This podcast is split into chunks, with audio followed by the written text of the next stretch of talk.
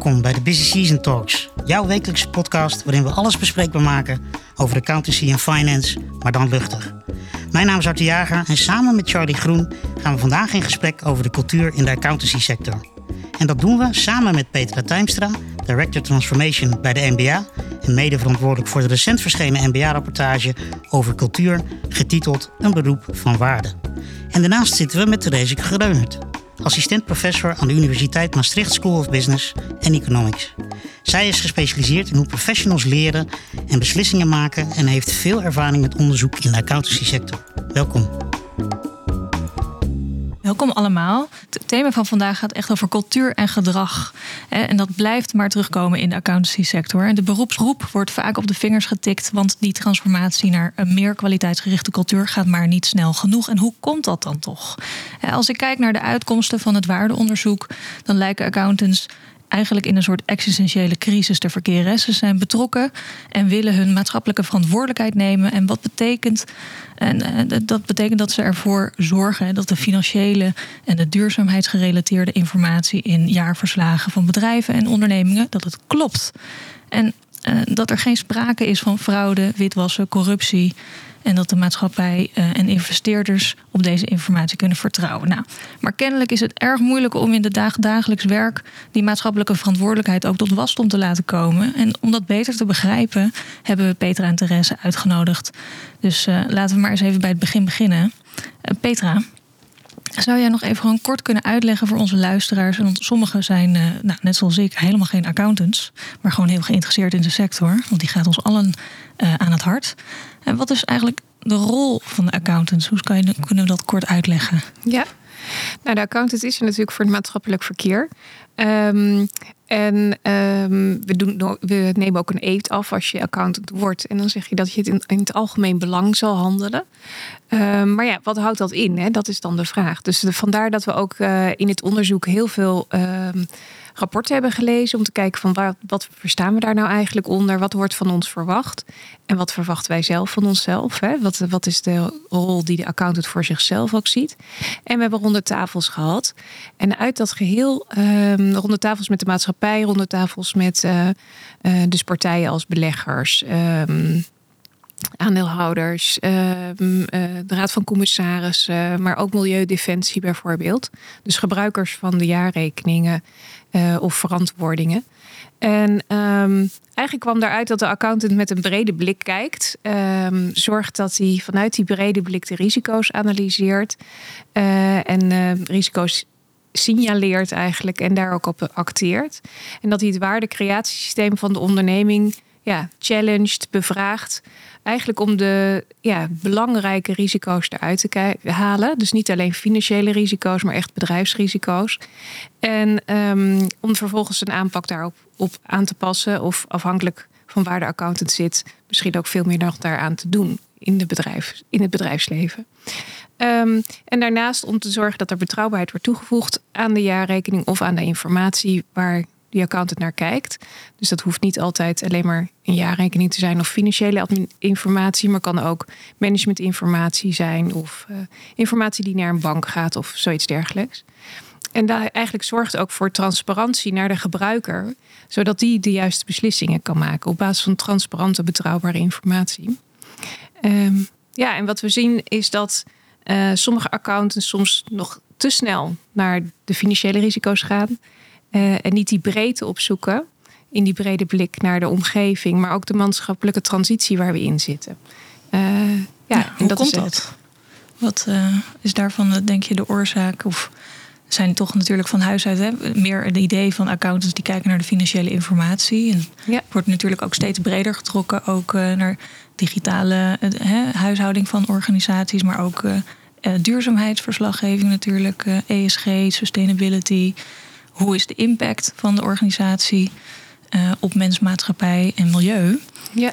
daar wordt natuurlijk, dat trekken ze natuurlijk heel erg naar zich toe, eigenlijk, omdat ook uh, daar assurance op te gaan verlenen in de toekomst. Dus dat is wel nodig dat ze ja. er dan ook naar kijken. Ja, de maatschappij die verlangt dat ook. Hè. Dus aan die ronde tafels met uh, vertegenwoordigers vanuit de maatschappij zeiden ook van ja, je kan eigenlijk niet informatie los uh, bekijken. Hè, want milieu, maar ook, ook mensenrechten, et cetera, hebben direct uiteindelijk directe financiële effecten. Misschien niet nu meteen alle minuut, maar wel in de toekomst of voor je reputatie. En eigenlijk zijn dat dus daarmee ook. Het, brengt het bedrijfsrisico's en bedrijfsopportunities met zich mee, waar je dus wel naar zou moeten kijken. Ehm, dus vandaar dat eigenlijk de maatschappij zegt van koppel dat ook niet los. Dus ga dat juist geïntegreerd bekijken. Uh, ja, en de accountant die is elke keer aan het kijken van maar wat kan ik dan? En waar kan ik dan uh, een gegrond oordeel over vellen? Hè? Want dan moet je ook wel genoeg evidence voor je oordeel voor hebben. Uh, en daar zit soms het probleem waardoor je soms geneigd bent om minder ja, dan, dan terug te krabbelen en te kijken van waar weet ik zeker uh, dat ik genoeg evidence voor kan verzamelen, dat ik mijn werk goed genoeg op kan doen. En dat is ook wat er verlangd wordt, natuurlijk, dat het wel hoge kwaliteit heeft. Ja, ja en financiële informatie is natuurlijk lekker duidelijk, toch vaak. Hè? uh, maar over niet-financiële informatie is het natuurlijk nog moeilijk om echt het oordeel te vellen. Uh, ja. Dus misschien kunnen we daar nog wat, wat dieper op ingaan. hoe, dat, hoe, hoe dat hoe een accountant eigenlijk tot een gegrond en gedegen uh, oordeelsvorming komt. Therese, volgens mij is dat jouw eh, area of expertise, toch? hoe, hoe kom je tot een goede kwaliteit en uiteindelijk ook een professioneel besluit als accountant of auditor? Nou, we hebben net gehoord van Petra hoe ingewikkeld het allemaal is en hoeveel complexiteit er eigenlijk in zit. Hè, in de informatie zelf en wat de maatschappij van jou verwacht. Uh, dat betekent natuurlijk dat je als professional voldoende kennis moet hebben. Je moet die kennis op het goede moment kunnen toepassen. Je moet uh, vaardigheden hebben die je toestaan om met andere mensen samen te werken op een constructieve manier. Uh, je moet niet altijd eens zijn. Je moet ook kritisch kunnen kijken, bijvoorbeeld. Uh, je moet mensen kunnen aanspreken op dingen die op een manier dat je samen verder komt. En dat is heel ingewikkeld. En dat is niet bij accountants alleen. Hè? Dat is gewoon heel menselijk. Dus vanuit mijn perspectief als onderzoeker die kijkt naar leren, uh, ben ik vooral benieuwd in wat voor gedragingen heb je nodig, wat voor condities, dat je die kennis en die vaardigheden die je hebt, dat je die continu kan aanpassen aan wat er van jou wordt gevraagd. Ik moet omgaan met nieuwe soorten informatie. Misschien dat de maatschappij iets anders van mij verwacht. Misschien dat de klant me op een andere manier uitdaagt. Uh, misschien dat de regelgeving verandert. Uh, de toezichthouder gaat andere dingen vragen. Al die dingen betekenen dat ik me moet kunnen aanpassen. En dat moet ik niet alleen als individueel professional, maar dat moet ik ook nog in teams die veranderen.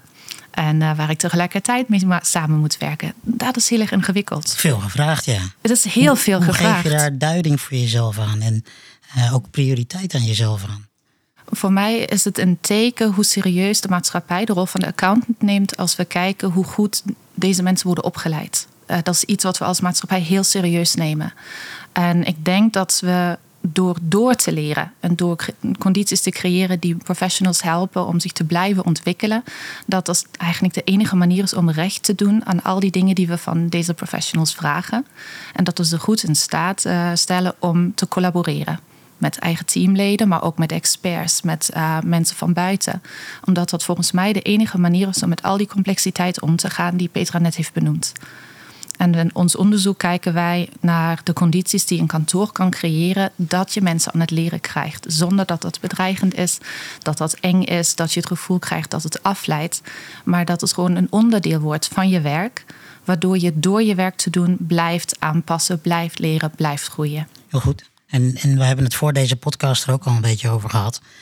Um, het, het leercomponent wat hierin terugkomt. Uh, ik denk dat het heel duidelijk is hoe de, de, ideale wereld eruit ziet.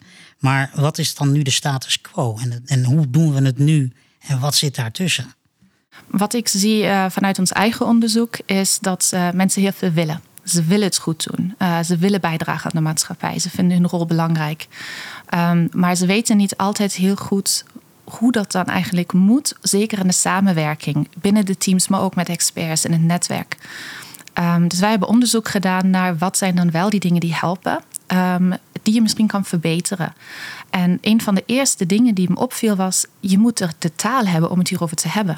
Als je geen woord hebt voor wat je zoekt of wat je nodig hebt, dan wordt het heel moeilijk om dat met je collega's te bespreken en te regelen.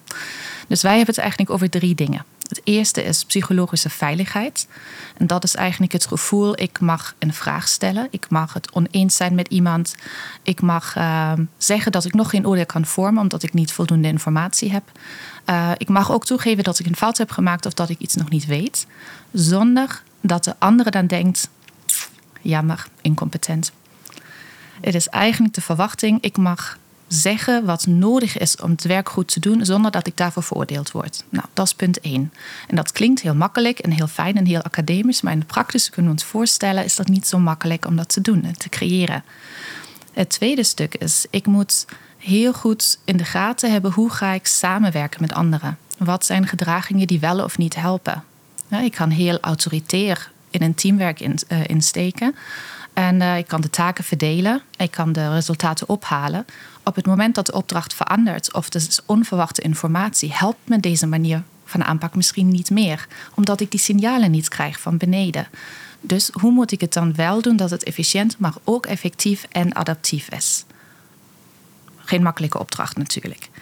En het laatste is, um, omdat je zeker in een hiërarchische setting zit, waarin het werk van iedereen door iedereen steeds gecontroleerd wordt. Je moet die verantwoordelijkheid voor je eigen werk blijven houden. Die ownership, wat je dat gevoel geeft van ik draag bij.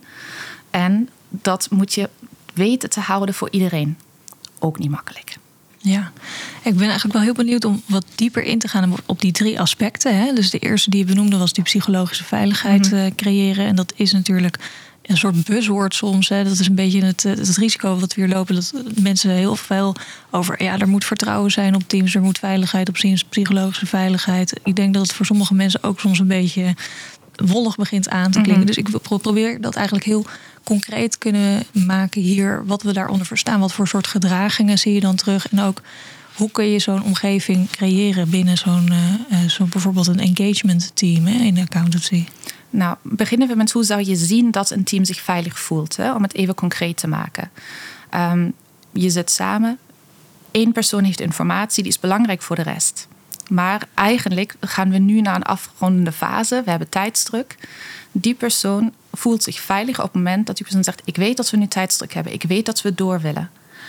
Ik vind dit wel zo belangrijk om het wel even te bespreken. Als jullie vinden dat het niet toe doet, prima, maar ik wil het wel op tafel hebben gelegd dit is wat ik wil bespreken. Dat is een teken dat iemand herkent. Ik weet wat de omstandigheden zijn. Ik doe dit niet voor de lol of voor mijn eigen ego. Maar ik wil gewoon dat het proces beter is en dat ons oordeel uiteindelijk goed uitpakt. Daarom neem ik nu dat risico om iets te doen wat een beetje ongemakkelijk is in het team. Een ander voorbeeld zou kunnen zijn dat je als jonge accountant het gevoel hebt van hey, ik word een beetje genegeerd door, uh, door een van mijn managers, maar ik, wil, ik heb die persoon wel nodig. Ik wil ook van die persoon leren dan is een teken dat die jonge persoon zich veilig voelt als die naar de manager toestapt en zegt van hé, hey, mij is dit opgevallen en met mij doet dat dit. Ik vind dat eigenlijk niet handig. Zouden we samen kunnen kijken hoe we dat misschien anders kunnen doen? Nou, kost je 10 seconden, maar het kan heel veel betekenen voor het team. En dat een jonge persoon dit soort vragen durft te stellen of dit, deze constateringen durft te maken, betekent die persoon is niet bang dat die manager ja, later daarop afrekent. En ik vind het ook een hele mooie manier hoe je dat verwoordt. Want ik bedoel, je stapt niet op iemand af en je zegt ik voel me psychologisch onveilig. Uh, maar je kan iemand zijn gevoel heel moeilijk ja, kwalijk nemen of betwisten. Exact. Het is een hele laagdrempelige manier om dat bespreekbaar te maken. Exact. Dus psychologische veiligheid is niet een password waar je denkt van oh, ik voel me nu niet veilig en iedereen moet doen wat ik wil. Het gaat veel meer om durf ik te zeggen wat ik belangrijk vind op een manier die goed aansluit bij waar de andere persoon nu staat. Ik moet de andere persoon de ruimte geven om constructief op mij te kunnen reageren. En dat kan bijvoorbeeld door aan te geven: hey, ik heb dit op die manier ervaren. Ik zou het eigenlijk liever zo uh, willen ervaren. Hoe kunnen we dat samen doen? Je gaat het samen oplossen. Of je geeft aan, hé, hey, ik heb een fout gemaakt. Het was niet mijn, mijn insteek natuurlijk. Uh, ik heb mijn best gedaan. Maar hierdoor werd ik wel verrast. En ik weet eigenlijk niet goed hoe dat komt. Kan je met mij meekijken? Dan voel je als leidinggevende een andere instinct om te zeggen... hé, hey, laten we samen analyseren. In plaats van, oh god, ga ik straffen. Ja. En Petra, jij hebt natuurlijk ook uh, naast je rol nu bij de MBA, heb je ook, uh, ben, je, ben je eigenlijk RA, ben je accountant ja. van origine. Dus herken jij eigenlijk uh, wat Therese hier schetst, die gedragingen en ook hoe we dat in, in de praktijk kunnen brengen? Ja, zeker. Ik denk dat wat Therese aangeeft is eigenlijk als je die dingen ziet gebeuren, dan weet je dat er eigenlijk al een bepaalde basis van psychologische veiligheid is. Hè? Want mhm. dan gaat dus iemand het wel op tafel leggen. Uh, vaak heb je dat het misschien nog niet gebeurt. En dat komt ook uit jullie onderzoek natuurlijk. Dat, um, dat met name jongere mensen die net in een functie zitten, maar ook als je van functie verandert en, en echt een andere rol krijgt, dat dan de psychologische veiligheid naar beneden gaat. Dus het is ook interessant, wat is een signaal dat het er niet is? En om daar iets mee te doen vanuit je leiderschap, waar je ook zit eigenlijk. Um, uh, dus en, en, dat zijn eigenlijk de dingen wanneer je denkt van hé, hey, iedereen is in zijn eigen kokon bezig. Iedereen zit achter zijn eigen computer te werken en praat niet meer met elkaar. Of um, goh, we zitten, er komt opeens heel veel informatie op ons af. Um, heeft nou iedereen wel door wat, wat er eigenlijk allemaal speelt? En kunnen we dat ook samenbrengen? Dus dat zijn eigenlijk momenten waarop je juist elkaar zou moeten opzoeken. Ehm, en dat zien we in dat waardeonderzoek wat we hebben gedaan, dat mensen daar heel erg mee strukkelen. Dus ze willen de verantwoordelijkheid pakken, maar doordat ze niet alle informatie zien en soms dus ook niet kunnen afwegen van goh, ik wil dit bespreekbaar maken, maar wel denken, hmm, beetje gek, beetje gek onderbuikgevoel heb ik er misschien bij of whatever. Um, maar ja, durf ik dat dan wel neer te leggen en zou het niet gek zijn? Zeggen ze niks. Dus het is ook belangrijk om te zien van als er niks gebeurt, of, of, of je zit in een meeting en er zijn maar twee mensen aan het woord in plaats van alle vijf die aan tafel zitten. Dat zijn ook signalen dat je denkt van hé, hey, moet ik iets anders gaan doen om toch te creëren dat mensen wel met elkaar, hè, wel alle feiten op tafel gaan leggen, wel met elkaar communiceren. En ik, ik hoor jou net iets zeggen, volgens mij, correct me if I'm wrong. Naarmate dus iemand hoger in de boom of in de hiërarchie komt, neemt de psychologische veiligheid af, of de perceptie daarvan? Nee, hoe, hoe langer je eigenlijk in een functie zit, hoe, langer je in een functie zit, uh, hoe meer psychologische veiligheid, omdat je je comfortabeler, comfortabeler voelt met je rol. Ja. Um, jonge mensen die net starten, die, ja, die komen net binnen, die moeten alles nog gaan leren. Dus die zijn in principe minder, uh, minder psychologisch veilig. En als je he, voelen minder psychologische veiligheid. Uh, en, en ook als je een, opeens van uh, een, bijvoorbeeld een uitvoerende taak naar een managerstaak zou gaan, hè, dan, dan verandert je rol zodanig dat je daardoor ook uh, door die veranderende rol eigenlijk je minder veilig kan voelen. Dus dat betekent dat andere teamleden daar meer effort uit moeten halen. En dat zien we eigenlijk ook uit het waardeonderzoek. Want daar zie je bijvoorbeeld dat de trainees heel veel behoefte hebben aan waardering. Nou, als jij nog niet weet wat goed of fout is, of dan is het heel belangrijk om wel ook te horen wanneer is het goed en niet alleen maar wanneer is het fout. Uh, dus ook voor psychologische veiligheid is het belangrijk dat je iemand waardeert voor, en laat zien van hey, dit heb je goed gedaan. Want dan, dan zal die dat herhalen. Dat is eigenlijk een beetje wat je ook bij kinderen doet. Hè? Als ze iets goeds doen, dan zeg je, oh, goed gedaan. En als ze vallen, zeg je, nou, nog een keer proberen. Hè? Dus dat, en dat is eigenlijk in het werk ook zo. Uh, dus dat zijn ja, dingen die je mee kan nemen. Dat is toch een beetje, misschien een beetje een sidestep, maar wat we ook wel uh, in ieder geval soms terugzien, is dat mensen dat moeilijk vinden. Hè? En dat is ook een menselijk gegeven om uh, die oprechte feedback te, bijvoorbeeld te geven van hey, dit gaat goed. En ik, ik zou ook nog meer hier of hier uh, van je willen zien. Ja. En dat gaan mensen vaak uit de weg natuurlijk, omdat ja, veel mensen onzeker worden van, van nou, eigenlijk elke soort spiegel die ze wordt voorgehouden in de, in de, over hun functioneren, over hoe ze overkomen, uh, over de kwaliteit van hun werk. Er speelt toch een soort zeker bewijsdrang als je net begint. Dan zit je al vaak met het idee van, oh, doe ik het goed genoeg? En je wordt natuurlijk ook vergeleken eh, met al je peers. En het is natuurlijk ook die competitie binnen zo'n organisatie helpt niet echt mee. om een psychologisch veilige omgeving te creëren. Hmm. Want hoe, hoe, hoe zie jij dat, uh, Therese? We hebben onderzoek gedaan naar uh, startende accountants, dus binnen de eerste drie jaar die ze bezig zijn. Um, en we hebben ze gevraagd: denk terug aan de laatste fout die je hebt gemaakt. Zo'n klassiek moment waar je bang bent dat je wordt afgerekend of vergeleken. Um, en vertel ons met wie heb je het hierover gehad en waarom. Um, en daar hebben we gezien dat uh, mensen heel vaak naar peers gaan of vrienden, familie, als het gaat over het omgaan met die negatieve emoties die daarbij komen kijken. Dat je bang bent van de, voor de consequenties of dat mensen slecht over je denken of oordelen. We zien ook dat uh, de gemiddelde jonge accountant niet per se geneigd is om naar de leidinggevende te gaan. Zeker niet als die persoon niet op dezelfde plek zit of ergens anders werkt of ook veel met andere opdrachten bezig is. Dat verandert op het moment dat we hebben gekeken naar hoe gedraagt zich die leidinggevende. Dus bijvoorbeeld een leidinggevende die zegt: Nou, je mag altijd naar me toe komen. Dan zou je denken dat is al een heel grote stap. In ons onderzoek deed dat helemaal niks. Wat wel iets deed was een leidinggevende die spreekt over eigen fouten die hij of zij heeft gemaakt. Um, een leidinggevende die andere collega's niet straft, maar die probeert te helpen, te analyseren, mee te denken, zodat iedereen iets heeft aan een fout die is gemaakt. Um, een leidinggevende die uh, kwetsbaar is, die duidelijk aangeeft: ja, ik ben ook niet perfect. Uh, ik heb jullie ook nodig om mij te helpen, net zoals jullie mij nodig hebben.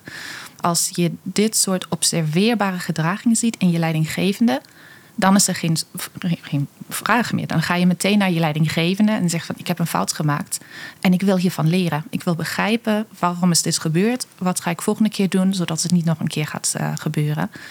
En dan heb je echt dat leergedrag van mensen die meer kennis hebben dan je, die voor je verantwoordelijk zijn en die je gewoon ja, heel goed kunnen helpen. Niet alleen met verwerken van de emotie, maar ook met begrijpen van wat er gebeurt. Maar daarvoor moet je dus als leidinggevende het goede voorbeeld geven. Jij moet diegene zijn die laat zien hoe ziet veiligheid eruit? Hoe gaan wij in dit team met fouten om? Hoe uh, reageren wij op uh, momenten waar een collega zich kwetsbaar opstelt? Ja, dat is denk ik leading by example. Hè, dit. Exact. En ik vind het wel heel treffend, want we hebben ook een podcast op de Countersdag toevallig gehad met uh, scheidsrechter Danny Makkely. En die zei eigenlijk ook: Ik beschouw een goede leider als iemand die op het moment dat het fout gaat zegt: Ik heb het fout gedaan. Als er iets in het team is, is gegaan. En als het goed gaat, dan is het dankzij het team dat wij samen hebben gewonnen. Uh, dus je neemt misschien iets meer van de schuld op sommige dingen en iets minder van de credits als het heel goed gaat. Precies. En het, het, is zelfs zo. Het is echt zo belangrijk ook voor de kwaliteit dat het volgens mij nu ook in de regelgeving is opgenomen. Dat de engagement leaders hier uh, meer aandacht aan moeten besteden. Petra, kan je dat misschien ja. toelichten? Ja, want nu gaan we heel erg door op zeg maar fouten. Maar uiteindelijk gaat het over, als we onze maatschappelijke rol willen pakken, gaat het over besluitvormingen gedurende het proces. Uh, op onze aanpak, op uh, ja, hoe, hoe uh, kijken we naar? Hebben we genoeg evidence gecreëerd? Uh, welk oordeel komt daaruit? Dus je maakt meerdere keren een cyclus waarin je uh, eigenlijk interactie hebt en tot oordeelsvorming of besluitvorming komt.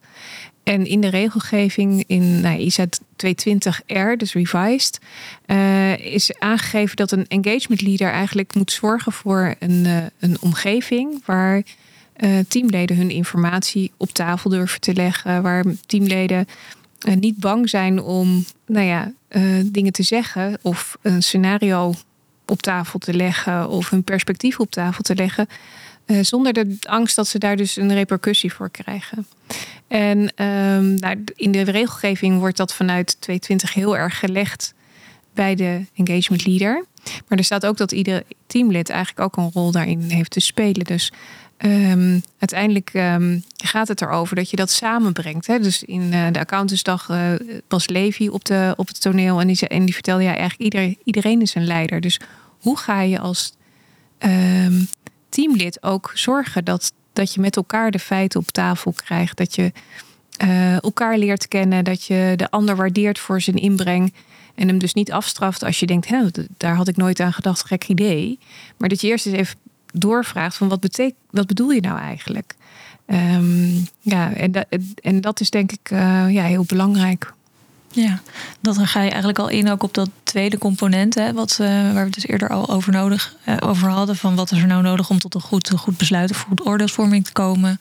Psychologische veiligheid.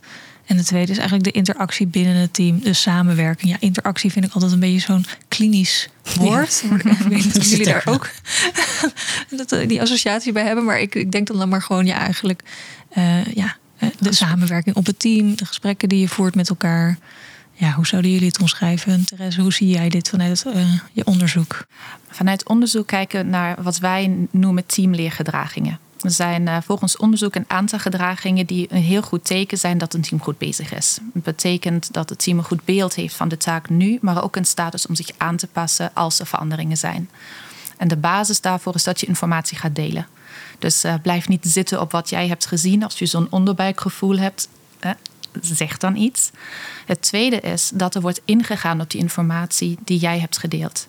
Dus ik kan wel informatie delen, maar als ik niet gehoord word, als ik genegeerd word in mijn team, ja, dan is het, had ik het ook niet kunnen doen. Dus er moet een, een, een back and forth eigenlijk zijn, waarin we de informatie gebruiken om, om aan te vullen en om samen eigenlijk een oordeel te vormen van waar zijn we nu mee bezig, wat zien we, wat zien we niet. En dat gaat heel goed tot op het moment dat we het oneens worden over iets. En dan kan je, ga je altijd een soort conflict situatie in. Vanuit onderzoek weten we dat conflict die gaat over persoon. Jij bent dit, jij doet dat, jij bent altijd. dat gaat niet helpen. Wat wel gaat helpen is wat wij constructief conflict noemen. En dat betekent dat je elkaars aannames gaat onderzoeken. Oh, Charlie, jij bent tot die conclusie gekomen. Hoe kan dat eigenlijk? Ik heb dat helemaal anders geïnterpreteerd. Kan je hem even meenemen in jouw proces? Dan ga jij uitleggen: ik heb dit gezien, dit gezien. Bij die klant was het ook zo. Daarom dat ik hierop wijs. En dan heb ik de mogelijkheid om te onderzoeken waar wijken wij van elkaar af. En kunnen we het gewoon hebben over waar komt onze, ons meningsverschil vandaan. In plaats van over wie we zijn. Dus dat is heel leerzaam, want ik leer van jouw ervaring. En we kunnen makkelijk eigenlijk tot een compromis komen die past bij onze ja, die inschatting die we allebei maken. Dus constructief conflict nadat we informatie hebben gedeeld. Het laatste stukje, wat heel erg belangrijk is voor leren, vooral, uh, dat noemen, we, noemen wij reflectie. En dat betekent dat je af en toe stilstaat bij zijn eigenlijk nog goed bezig? Zit ons proces goed in elkaar? We kennen het allemaal, tijdsdruk, je moet veel dingen tegelijkertijd doen. Het is makkelijk om gewoon een beetje af te dweilen of om eh, ja, een beetje afgeleid te raken. En dan zie je eigenlijk het hele plaatje niet meer. En een stapje terug te doen en dan te kunnen zeggen: wacht even, zijn we nog goed bezig? heb jij de goede informatie gedeeld? Ben jij daar al op doorgegaan? Is dit nog steeds ons doel?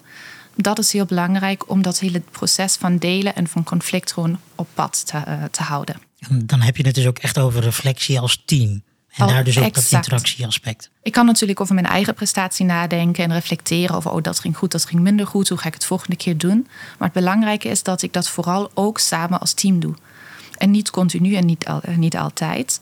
Maar op het moment waar, uh, waar je een onverwachte challenge tegenkomt. Waar je denkt van oeh, we, communiceren eigenlijk niet meer heel veel. Iedereen is zo druk, we, we, we horen elkaar eigenlijk niet.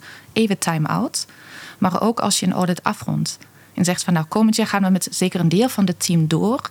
Wat hebben we nu gedaan wat wel goed hielp? Waardoor voelden we ons veilig in het team? Waardoor konden we effectief samenwerken?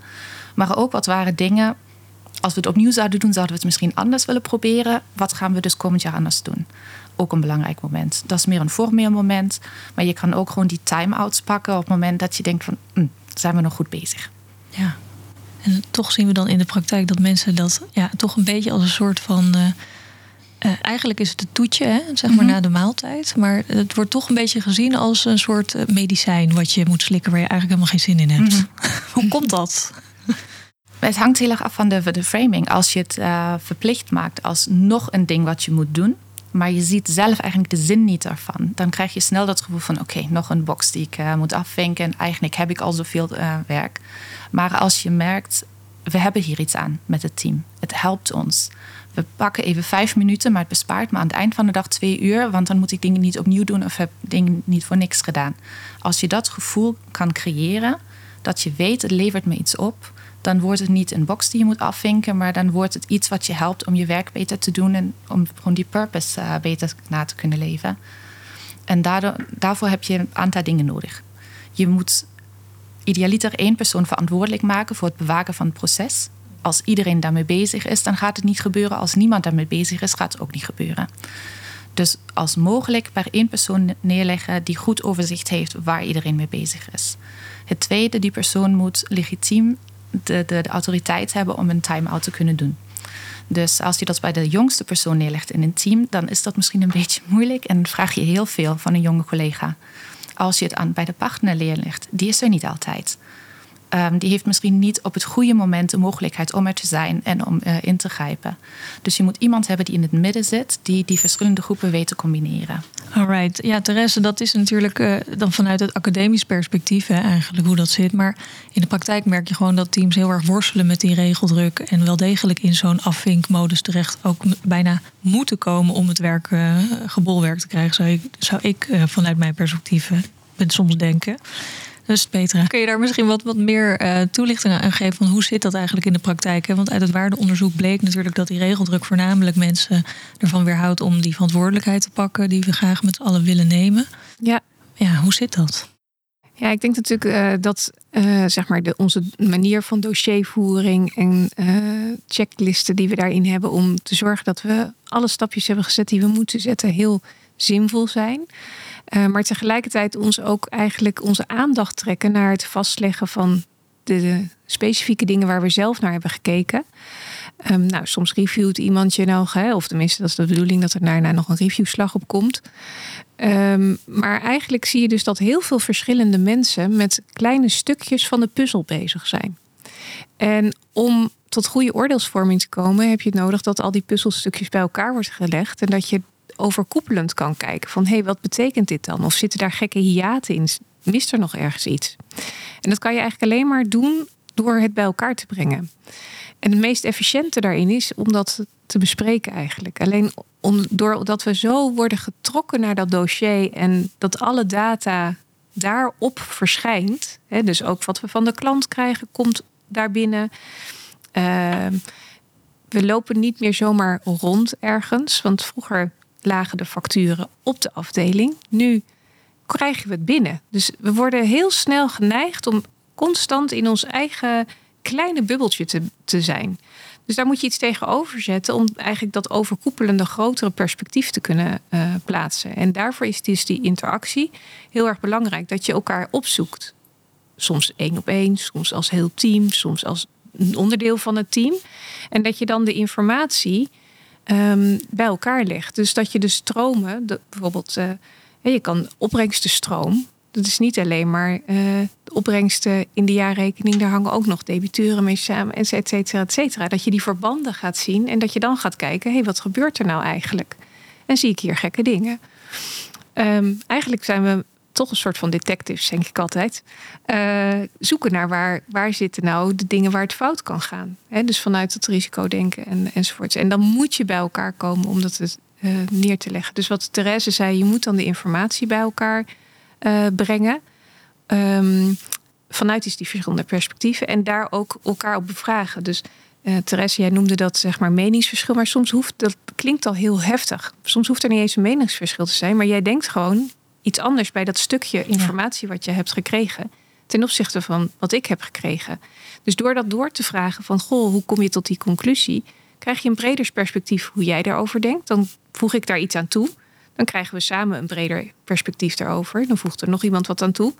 En dan krijg je nog een breder perspectief. En door die, dat gesprek echt goed te voeren en elkaar daarin ook te challengen, kom je tot andere dingen. Dus bij ons in de organisatie, ik heb dus ook bij PwC gewerkt. En daar uh, zeiden we altijd think like fraudster bijvoorbeeld. Dus dan moest je echt uit ja, denken als een fraudeur. Nou, dat ben je natuurlijk niet. Dus je, dan moet je jezelf wel challengen. En dan kijken van wat, wat, wat ligt er nou voor ons op tafel en wat, wat kan dat dan gebeuren? Nou, dan, dan gaan er opeens hele. Dan word je ook uitgenodigd om out of the box te denken. En dan kan geen gek idee gek genoeg zijn, om het zo maar te zeggen. Um, dus dat soort interventies inbrengen om mensen ook de mogelijkheid te geven dat je iets geks mag, even mag inbrengen of iets niet in het gebaande pad. Want dat is eigenlijk ons werk dat we soms zoeken wij te veel naar de conformatie. Terwijl we eigenlijk moeten zoeken naar niet-conformatie. Dus wat, wat is tegenstrijdige informatie en wat betekent dat dan? En is dat dan helemaal fout? Of is het, hè, is het echt fout? Of is het gewoon, ik heb ook iets anders gevonden, maar als ik het allemaal tegen elkaar afweeg, nee, dit is toch het goede pad. Hè, dit is toch wat we nodig hadden. En verder zei Therese natuurlijk een aantal dingen van wanneer uh, ga je dan naar elkaar toe? Hè? Wanneer, wanneer zoek je dat nou op? En dat zijn natuurlijk de formele manieren van nou ja, de planningsfase die je met elkaar doet, uh, hè, met een kick-off en tussentijds een tussentijdse meeting en aan het eind een eindmeeting. Dat zijn de vaste momenten. Maar zoals Therese zei, als er heel veel informatie opeens op je afkomt... of heel veel mensen zijn met verschillende stromen bezig of kleine onderdelen... Ja, dan is het belangrijk om het samen te brengen. En, en dan helpt het wel heel erg als één iemand dat proces van dat dat gebeurt...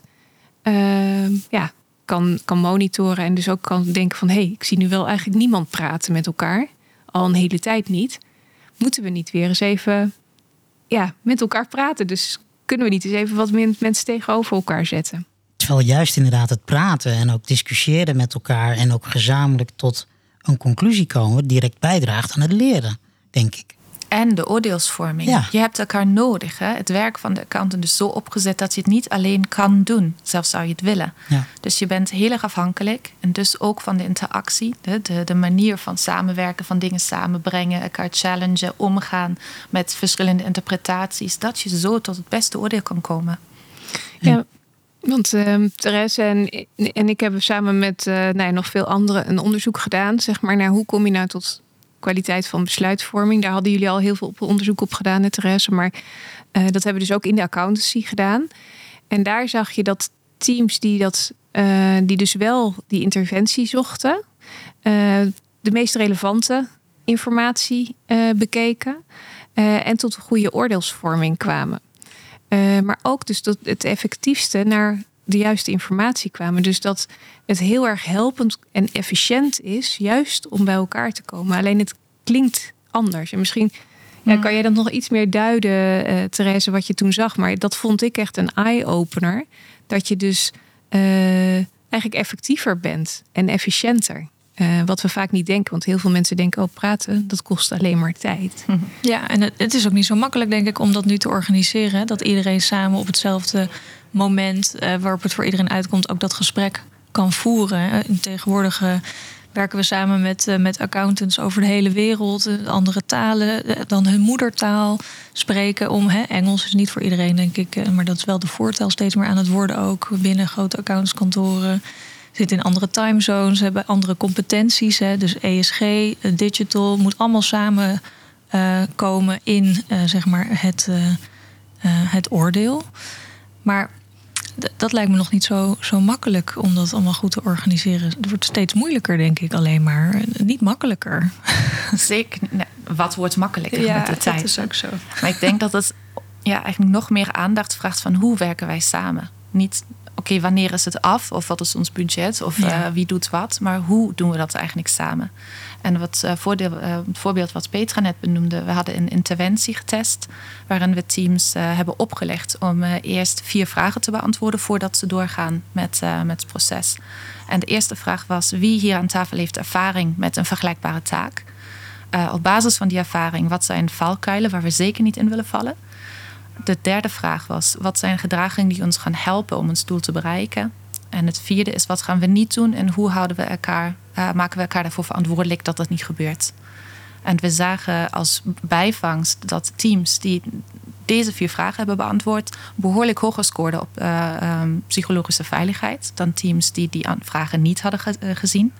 Maar we zagen ook dat ze net zo snel hebben gewerkt als alle anderen. Ze waren net zo snel klaar, terwijl ze wel aan het begin even tijd hadden besteed aan hoe gaan we werken. Ze hebben meer relevante informatie naar voren weten te halen. En we zagen ook dat ze sceptischer waren, kritischer waren in het oordeel, zeker naar de klant toe. En dat zijn eigenlijk allemaal positieve dingen. Je verliest er niet op. En ik denk hoe moeilijker het is om mensen te bereiken en om ze te leren kennen en om gemeenschappelijk punten vinden waardoor je elkaar vertrouwt, hoe belangrijker is het om, om even stil te staan bij wat verbindt ons, wat is onze purpose, Eh, waar gaan we voor, wat kan jij bijdragen, wat kan jij bijdragen, hoe gaan we dat doen? Ik denk dat dat eerder tijd gaat schelen, ook voelt het misschien op korte termijn niet zo, dan gewoon hopen dat iedereen een beetje dezelfde aannames heeft. Dat iedereen een beetje op dezelfde manier die taak gaat insteken. Zeker als je niet fysiek bij elkaar zit, heb je daar geen zicht op. En wil je het eigenlijk liever expliciet weten, lijkt mij. Ja, is eigenlijk to slow down in order to speed up. Ja. Het is een beetje wat ik ook altijd Heel ervaar. onintuïtief eigenlijk, Ja, maar ik denk precies. het wel. Hè, want ik heb het ook eh, bijvoorbeeld met iets eh, heel. eh, ik mediteer elke ochtend en dat voelt altijd weer als een soort drempel. Maar daarna, en dat denk je ook, ik heb daar helemaal geen tijd voor als ik een hele drukke dag heb. Als je gaat zitten, dan gaat je dag daarna eh, zoveel makkelijker en sneller, omdat je gewoon, ja, je, je lost problemen makkelijker op, juist doordat je denkt, oh, ik moet die persoon gewoon even bellen, Ja. bijvoorbeeld. Ja, en dat vraagt dus nu wel veel ehm, alertheid van jezelf eh, als eerste en als team ook. Eh, om dat dus te doen, omdat je triggers komen van andere dingen. Hè? Dus de, de informatie, wat ik zei, komt uit die computer. En, en je checklisten en, en de werkprogramma's komen uit die computer. En word je snel ja, één met, met device. In, in plaats van dat je eh, eigenlijk naar elkaar eh eh, toekruipt. En dat is wel belangrijk, dat je dus wel ook elkaar opzoekt. En ehm, ja, we werken allemaal van andere, vanaf andere plekken, maar we hebben ook gezien hoe makkelijk het eigenlijk is via uh, zeg maar teams of andere manieren, zeg maar, om toch met conference calls wel die informatie uh, te delen met elkaar. Ja, het klinkt heel herkenbaar en ik hoor het ook um, bij diverse uh, kantoren. Um, we, hebben natuurlijk veel luisteraars, dat zijn vaak auditors, assistenten waarschijnlijk ook. Um, er wordt ook, is ook wel zoiets als een, een pre-audit meeting uh, die we in de sector kennen. Maar je hoort dan toch nog wel eens de verhalen dat dat meer een meeting is ter kennisgeving. Dit is het plan.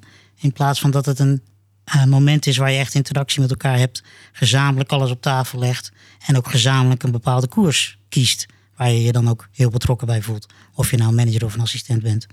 Um, ik wil heel even terughaken op wat jij net zei, Petra. Je had het net over een programma bij PwC, Think Like a Fraudster. Ik vind dat heel treffend, want dat uh, spreekt wat dat betreft heel erg tot de verbeelding. Um, ik denk dat onze luisteraars misschien ook wel wat echt best practice is en wat handvatten zoeken van hoe kan ik nou naar mijn kantoor toe gaan? Hoe kan ik nou binnen het auditteam straks uh, een voorbeeld op tafel leggen van een manier waarop we echt die interactie kunnen creëren met elkaar? En als je het dan hebt bijvoorbeeld over fraude. bij de accountants zien we natuurlijk dat dat ook een steeds breder begrip wordt. waar de accountant één op één um, bij genoemd wordt. maar moet, moet, moet, ik dan bijvoorbeeld denken aan rollenspellen? Um, hoe, hoe zie je dat? Nou ja, eigenlijk uh, ik denk altijd blijf zo, zo dicht mogelijk bij je gewone werk. Dus bijvoorbeeld die kick-off meeting. Hè? Nou, een van de punten is vaak fraude, wat dan op de agenda staat. Nou ja, hoe ga je dat aanpakken? Ga je dat inderdaad zo aanpakken dat um, nou, de meer ervaren mensen uit het team zeggen van goh, dit zijn de risico's en zo gaan we het aanpakken? Of ga je met elkaar kijken, wat Therese net zei, van goh, wie heeft wel eens fraude meegemaakt bij een klant? Of wie, uh, hoe zou je in deze sector fraude kunnen plegen? Waar denken jullie aan? Of uh, goh, wie heeft de krant wel eens gelezen over deze, hè, de onderzoek gedaan naar deze klant? Je kan ook teamleden verschillende opdrachten van tevoren geven om dat uit te zoeken en dat in te brengen in de meeting. Om, vervolgens die informatie bij elkaar te brengen, dan daarover te discussiëren. Uh, dat, dat kwam eigenlijk uit dit onderzoek dat je zegt van nou, wie legt de informatie op tafel? Vervolgens bouw je daarop voort met elkaar. Uh, en bevraag je elkaar van goh, hoe kom je dan tot die conclusie? Hoe zou dat dan bij deze klant bijvoorbeeld voor kunnen komen? Um, uh, dat soort elementen. En dat je dan daarna met elkaar besluit. Oké, deze dingen zien deze elementen zien we als een verhoogd risico. Deze zien we als een normaal risico. Deze zien we als een verlaagd risico. Dat betekent dat we dan deze en deze aanpak met elkaar gaan doen. Dan kan je vervolgens eigenlijk zou je dan nog een meeting moeten hebben over die aanpak, precies op diezelfde manier. Dus dat je eigenlijk uh, iedereen meer betrekt in, het, uh, in die aanpak. En als mensen namelijk dat echt uh, samen hebben gedaan, kunnen ze ook hun verantwoordelijkheid nemen. En dat zien we uit het onderzoek dat mensen echt heel graag hun verantwoordelijkheid willen nemen. je hoort mensen in de praktijk ook, ja, die en die neemt zijn verantwoordelijkheid niet. En dan wijzen we vaak naar elkaar. Maar dat komt omdat het soms niet duidelijk is wat je taak is. Dus wil je mensen autonomie geven, verantwoordelijkheid geven en ook dat mensen hun verantwoordelijkheid nemen, is het juist belangrijk om het samen te doen, samen te bespreken en dan te concluderen op de taak, maar ook op het gedrag wat daarbij hoort. Dus uh, dat kwam ook uit het onderzoek. Zodra je hebt doorgesproken, oké, wat betekent dat dan en hoe gaan we dan met elkaar om? Dus dat kan ook zijn van, goh, als je bepaalde dingen vindt, dan leg ze weer op tafel. Of uh, zo en zo gaan we dat bij de klant be bevragen. Vanuit welk perspectief zou die klant nadenken? Dus ik had het in het begin over die brede blik. Dat is bij zo'n punt ook heel erg belangrijk. Wat speelt er in de maatschappij? Hoe kijkt de maatschappij hiernaar? Wat, wat zou er dan kunnen gebeuren? Wat is het perspectief van de klant? Wat zou er dan kunnen gebeuren? Um, een klant ziet vaak ook opportunities en dat is ook goed, want anders zou er geen bedrijf zijn. Maar uh, wat is het risico daar ook van? Um, en hoe wordt dat gemitigeerd? Dus dat zijn allemaal dingen. Als je dat meteen in de praktijk brengt, wordt het helemaal geen theorie of, of whatever. Dan, dan wordt het echt echt, zeg maar. En ik denk dat daar het eigenlijk om gaat. Ja, dus daar stip je eigenlijk ook echt al dat laatste onderdeel aan. Uh, dat samen die verantwoordelijkheid nemen. Um, en ik weet dat we hebben het nu over de praktijk. Maar ik wil toch maar even nog terug naar het onderzoek. Ja. Therese, kun je dat nog toelichten? Hoe dat, uh, wat jullie daarbij hebben gezien? Nou, er is een, ehm, een framework die helpt te verklaren wanneer zit een persoon, een team of een organisatie in een zone die de learning zone wordt genoemd. Een learning zone betekent we zijn goed bezig, we zijn efficiënt, we zijn effectief, maar we hebben een open blik. We kijken rechts en links, we zijn benieuwd. We willen ons aanpassen, we willen meegaan met veranderingen, we willen innoveren. En die framework zegt dat je je daarvoor veilig moet voelen. We kennen het allemaal. Als je bang bent, ben je niet per se innovatief. Uh, dan ga je vooral bewaken wat je hebt. Dus je moet je veilig voelen. Maar tegelijkertijd moet je ook een stukje ownership hebben van. Het is belangrijk dat ik hier zit. Ik draag bij. Um, wat ik weet, wat ik doe, dat is belangrijk. En als je die combinatie hebt van er wordt op mij vertrouwd, uh, ik doe het zo, en ik voel me veilig. Die combinatie die is heel erg belangrijk voor een individu. Dat doe ik bij studenten bijvoorbeeld. Maar we weten dat het heel erg belangrijk is voor teams, maar ook voor organisaties. Dus veiligheid gecombineerd met ik doe zo, ik draag bij. Dat is eigenlijk de, de, de, de volgens dat onderzoek tenminste de, de gouden sleutel om mensen in een um, situatie te brengen waar ze kunnen innoveren, aanpassen, leren, terwijl ze bezig zijn met hun werk. Dus het is niet bovenop, maar het is gewoon een inherent onderdeel van hoe je je werk doet. Net zoals Petra beschreef met die kick-off meeting. Ja, dus dat is echt essentieel. Hè? Die uh, veiligheid, een lerende omgeving creëren om mhm. uiteindelijk die verantwoordelijkheid ook te kunnen nemen. Want exact. Je dus, het moet altijd samen gaan. Ja, ja, precies. En ik denk dat toch heel veel mensen zijn opgegroeid in de accountancy en nou niet bepaald dat voorbeeld hebben gekregen. Hè. Dus uh, veel grote accountansorganisaties, uh, maar ook uh, andere organisaties zijn er natuurlijk naar gemodelleerd, zijn meer militair van aard. Dus een soort van top-down, dit zijn de taken, zo ga je het doen. en niet te veel praten, want dat zijn allemaal, dat kost geld. Hè? Dus ja, dat is echt wel een risico wat ik daar zie. Van, ja. dat, is, dat strookt helemaal niet met de inzichten van nu. Ja, wat ik wel zie is dat het dat komt ook wel uit dat waardeonderzoek, dat het dus in context verschillend is. Want we hebben het nu wel heel veel over de OOB's. Ja. Uh, waar. Uh, en, de, en je ziet echt wel verschillen tussen de OOB's en de, bijvoorbeeld de reguliere vergunninghouders, die ook wettelijke controles doen. Uh, dat zijn zo'n 250 kantoren, dus best wel veel kantoren. En um, ja, daar zie je toch veel meer een familiesfeer. Mensen worden veel meer betrokken. Um, um, daar, daar, daar lijkt op een afstand veel meer psychologische veiligheid. In ieder geval in de connectie, in het luisteren, et cetera, uh, is dat veel, veel sterker. Het enige is dat uh, om de harmonie te bewaren en om het gezellig te houden, uh, durf je dus de, de wrijving wat minder aan, zeg maar. Waar je juist bij de grotere kantoren misschien eerder ziet dat mensen wel die wrijving aandurven. Uh, maar niet zo goed luisteren naar elkaar. Hè? Niet zo goed echt die, vanuit daar die connectie maken en, en uh, doorvragen. En op, daardoor niet op elkaars ideeën kunnen bouwen, omdat ze eigenlijk steeds re reactief vanuit hun eigen perspectief reageren en niet opbouwend naar de ander. Uh, dus per context is het ook wel verschillend. Dus de grotere kantoren denk ik dat het daar met name om gaat. Hoe kan je ook goed gaan leren luisteren? Hoe zorg je dat de spreektijd een beetje verdeeld is over iedereen? En dat je door, goed doorvraagt. Uh, bij de dan relatief wat kleinere kantoren, waar dus meer dat familiesfeer heerst, is het dus ook belangrijk om te beseffen van ja, wat is nou eigenlijk aardig of goed? Hè? Moet er altijd harmonie zijn en uh, dat, dat iedereen het met elkaar eens is? Of is dat juist onwenselijk? En wat we van zowel in het leren, maar ook in de besluitvorming zien. En professioneel kritische houding is bij ons in ons vak heel erg belangrijk. Dat krijg je alleen als je ze nu en dan tegenspraak creëert. Dus het bewust tegenspraak creëren is dan heel erg belangrijk. Dus dat betekent dat je soms, uh, als mensen dat dus onprettig vinden, dat er wat tegenspraak komt, dan moet je het eigenlijk creëren door juist te zeggen van goh, hoe denk je hier anders over? Wat zouden we nog verder kunnen bedenken wat, wat we nu nog niet op tafel hebben gelegd? Dus dat je juist die tegenspraak gaat opwekken bij elkaar, maar dat het geoorloofde tegenspraak mag zijn. Uh, want dan gaan mensen op een gegeven moment uh, dat ook in andere dingen verder vormgeven, waardoor je een, een uh, ja, toch die kritische houding wel echt erin houdt en niet te veel betrokken raakt. Want betrokkenheid is heel erg goed, maar wel als je daar dit andere tegen bijvoegt, zeg maar. sluit wel weer heel erg aan op wat Therese net zei. Met een stukje constructief conflict uh, had je het volgens mij Mhm. over. Ja, als je dat aanwakkert intern. Ik denk dat mensen dan veel makkelijker zaken op tafel leggen. Maar je creëert er ook het effect mee dat ze dat bij de klant ook durven te doen. Dat is denk ik wel wat we willen van onze auditors. Ehm, we hebben natuurlijk een eh ehm, eventseizoen een beetje afgerond. We zitten nu mid-december. Ehm, we hebben het rapport van de kwartiermakers gehad. Er is ook een SRA Cultuurdag geweest. Hoe zijn deze onderwerpen daar naar voren gekomen?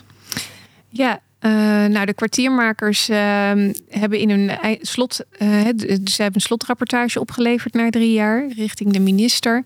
En hebben aangegeven eigenlijk van goh, we zien op het cultuurstuk ehm, dat er wel iets gebeurt, maar het gaat heel traag. Eh, we willen eigenlijk dat er meer eh, vaart achter komt. Eh, ze hebben ook aangegeven dat het onderzoek wel hele duidelijke elementen aangeeft waaraan te werken valt. En, ehm, en goede inzichten. En die inzichten zitten dus met name op dat we echt die stap willen maken naar die impact, naar het maatschappelijk verkeer en impact maken. Dat we heel graag die verantwoordelijkheid willen pakken, maar nog heel zoekend zijn op waar we het vandaag over hebben gehad met die relaties en eh, samenwerking eh, en interactie. Eh, en dat we daar als beroepsgroep eigenlijk nog geen duidelijke overeenkomst hebben gevonden of met elkaar van wat betekent dat nou. Dus iedereen geeft wel iets aan wat daarin belangrijk is, maar dat is nog niet consistent en hetzelfde. En eigenlijk vind ik dat het onderzoek wat dus Therese en Wim en Roger hebben gedaan ehm, rondom kwaliteit van besluitvorming, eh, hele goede inzichten geeft over hoe je dat dus vorm moet geven. Dat je nou ja, met elkaar connectie maakt, dat je elkaar eh, aange- waardeert voor de bijdrage die een ander levert. Dat je kwetsbaar durft te zijn. Dat je dus op basis van die elementen informatie met elkaar durft te delen. Elkaar daarop be- bevraagt, challenged en op elkaar bouwt eigenlijk om tot die conclusies. Zodat je die verantwoordelijkheid als een persoon kan pakken. Dus dat is heel erg belangrijk. Nou, de kwartiermakers geven daarin aan van goh, geef mensen nou wat meer autonomie. Ehm, Vooral managers, senior managers, hè, kwam ook Ja. naar voren. Ja, en wat we daar, ja, inderdaad, dus dat die middenlaag noemden zij dat dan, eh, middenkader, dat die meer autonomie moeten kunnen pakken. Nou, Therese gaf het er al aan. Eh, die zitten echt op een mooie positie om te zorgen dat zij die interactie creëren. Dus dat is denk ik een hele praktische invulling van die autonomie. Hè, zorg dat je die interactie eh, realiseert. Ehm, autonomie ontstaat dus ook als je niet alleen maar mensen taken geeft, maar juist is het bredere kader, zodat ze zien wat ze bijdragen aan het totaal. Zoals Therese ook al zei, het is zo complex en groot geworden dat niemand het meer alleen kan. Dus het zien wat jij bijdraagt aan dat grotere geheel is gewoon heel erg belangrijk om eh, ja, gemotiveerd te blijven, om je informatie goed te doen, om je werk goed te doen. En dus om samen het werk goed te doen. Dus dat is wel heel erg belangrijk. En daarmee houden we ook mensen in het vak, denk ik. Dus die autonomie is ook, denk ik, passend bij gewoon de nieuwe ehm, manier van werken. Dat je mensen eh, ruimte geeft, maar dat ze ook zien hoe, ze, hoe dat bijdraagt. Ehm, nou, dan hebben we dus ehm, SRA Cultuurdag inderdaad gehad. Daar ging het ook heel erg over leiderschap. Ehm, hoe geef je leiding eh, in deze tijd? Eh, hoe zorg je dat je die sfeer creëert waar mensen inderdaad informatie met elkaar delen en het verder brengen? Nou, er was, eh, de SRA doet cultuuronderzoek. Daar zie je in dat de, dus dit zijn allemaal reguliere vergunninghouders die daar zitten. eh, dat die echt goed, dat er steeds meer mensgericht zijn geworden. Wat ik net ook al aangaf. Er heerst echt dat familiebedrijf en sfeerachtig. En, eh, en dat je mensen betrekt. Eh, en dat is heel erg goed. En hoe kan je dan vervolgens die tegenspraak organiseren? Dat kwam daar eigenlijk ook uit. En hoe geef je mensen de ruimte om die tegenspraak ook te kunnen doen? En wat vraagt dat dan van een leider om dat ook eh, eh, te doen? En wie is eigenlijk de leider? Hè? Dat is ook de vraag. Ja. Dus eigenlijk als iedereen eh, ja knikt, dan weet je dat er iets aan de hand is. Dan moet je. Dan moet je je zorgen gaan maken. ja. Wat mij opvalt, heel positief trouwens, is de hoeveelheid aandacht die er is voor cultuur en gedrag. Uh, ik ben met dit soort onderzoek 10, 12 jaar geleden begonnen. En het was heel moeilijk om überhaupt toegang te krijgen tot mensen die zien dat cultuur en gedrag er doet. In die tijd was het allemaal regelgeving, uh, incentives, procedures, uh, die moeten worden aangescherpt. Um, toen kwamen die 53 maatregelen. Daar was een stukje cultuur al zichtbaar en gedrag kwam langzaam naar voren. Maar nog was het, oh ja, en dat moet ook nog. De nadruk was veel erg meer op hoe positioneren wij ons, wat zijn de regels, eh, de procedures, de incentives. Wat nu vooral opvalt, is dat cultuur centraal staat in de discussie. En dat lijkt traag, maar als ik zie waar, waar we vandaan komen met z'n allen, dan zijn we al een heel eind. Met bewustwording van de rol van cultuur. Het wordt niet meer neergezet als oh ja, iets zachts wat ook nog even moet gebeuren. Het wordt wel gezien als de kern die, die iedereen verder kan brengen. En dat alleen vind ik al een hele prestatie. Dat het moeilijk is om te implementeren, dat het tijd nodig heeft voordat we de resultaten zien. Absoluut. Maar ik vind we zijn al een heel eind en dat moet ook even gezegd worden. Nou, dat vind ik een heel mooi geluid. Want dat is, uh, soms wordt dat wel eens anders uh, gebracht, zeker. En dat moeten we absoluut niet ontkennen. En daar mogen jullie ook alle drie trots op zijn. Want de onderzoeken ja. en het werk wat jullie doen draagt daar wel aan bij. Dankjewel. Ja, en ik denk ook dat het bijdraagt aan het minder ongrijpbaar maken van iets dat cultuur en gedrag is. Uh, dus dat is uh, zeker heel goed. Um, dan gaan we richting het einde, want we zijn al uh, bijna op de tijd. De tijd is weer gevlogen. Um, tegen de tijd dat deze podcast live gaat, kan het misschien al januari zijn voor onze luisteraars. Maar als jullie onze luisteraars één goed voornemen mee zouden mogen geven voor 2024, wat zou dat zijn? Spreek met elkaar. Heb het erover. Als je het niet weet wat cultuur voor je kan betekenen, wat gedrag voor je kan betekenen, praat erover. Dat is het beste wat je kan doen. Ja, nou ja, ik wou ongeveer hetzelfde zeggen, maar net een andere klikslag. De finals komen eraan, dus zoek elkaar juist op. Ga niet achter je, blijf niet achter je computer zitten. Zoek elkaar op. Blijf informatie met elkaar delen en daar echt dieper over praten. En dat maakt het vak gaaf. En uh, als je dan ook nog het weet te realiseren om duidelijk te maken wat een ieder bijdraagt aan het totale oordeel, ja, dan zijn we echt uh, heel ver, denk ik. Nou, fantastisch. Ik wil jullie beiden heel hartelijk bedanken voor dit uh, boeiende gesprek. Het is inderdaad absoluut, de tijd is voorbij gevlogen. Uh, maar ja, wij gaan hier nog even napraten, denk ik. Uh, en hopelijk jullie thuis ook. En tot snel. Ja, tot snel.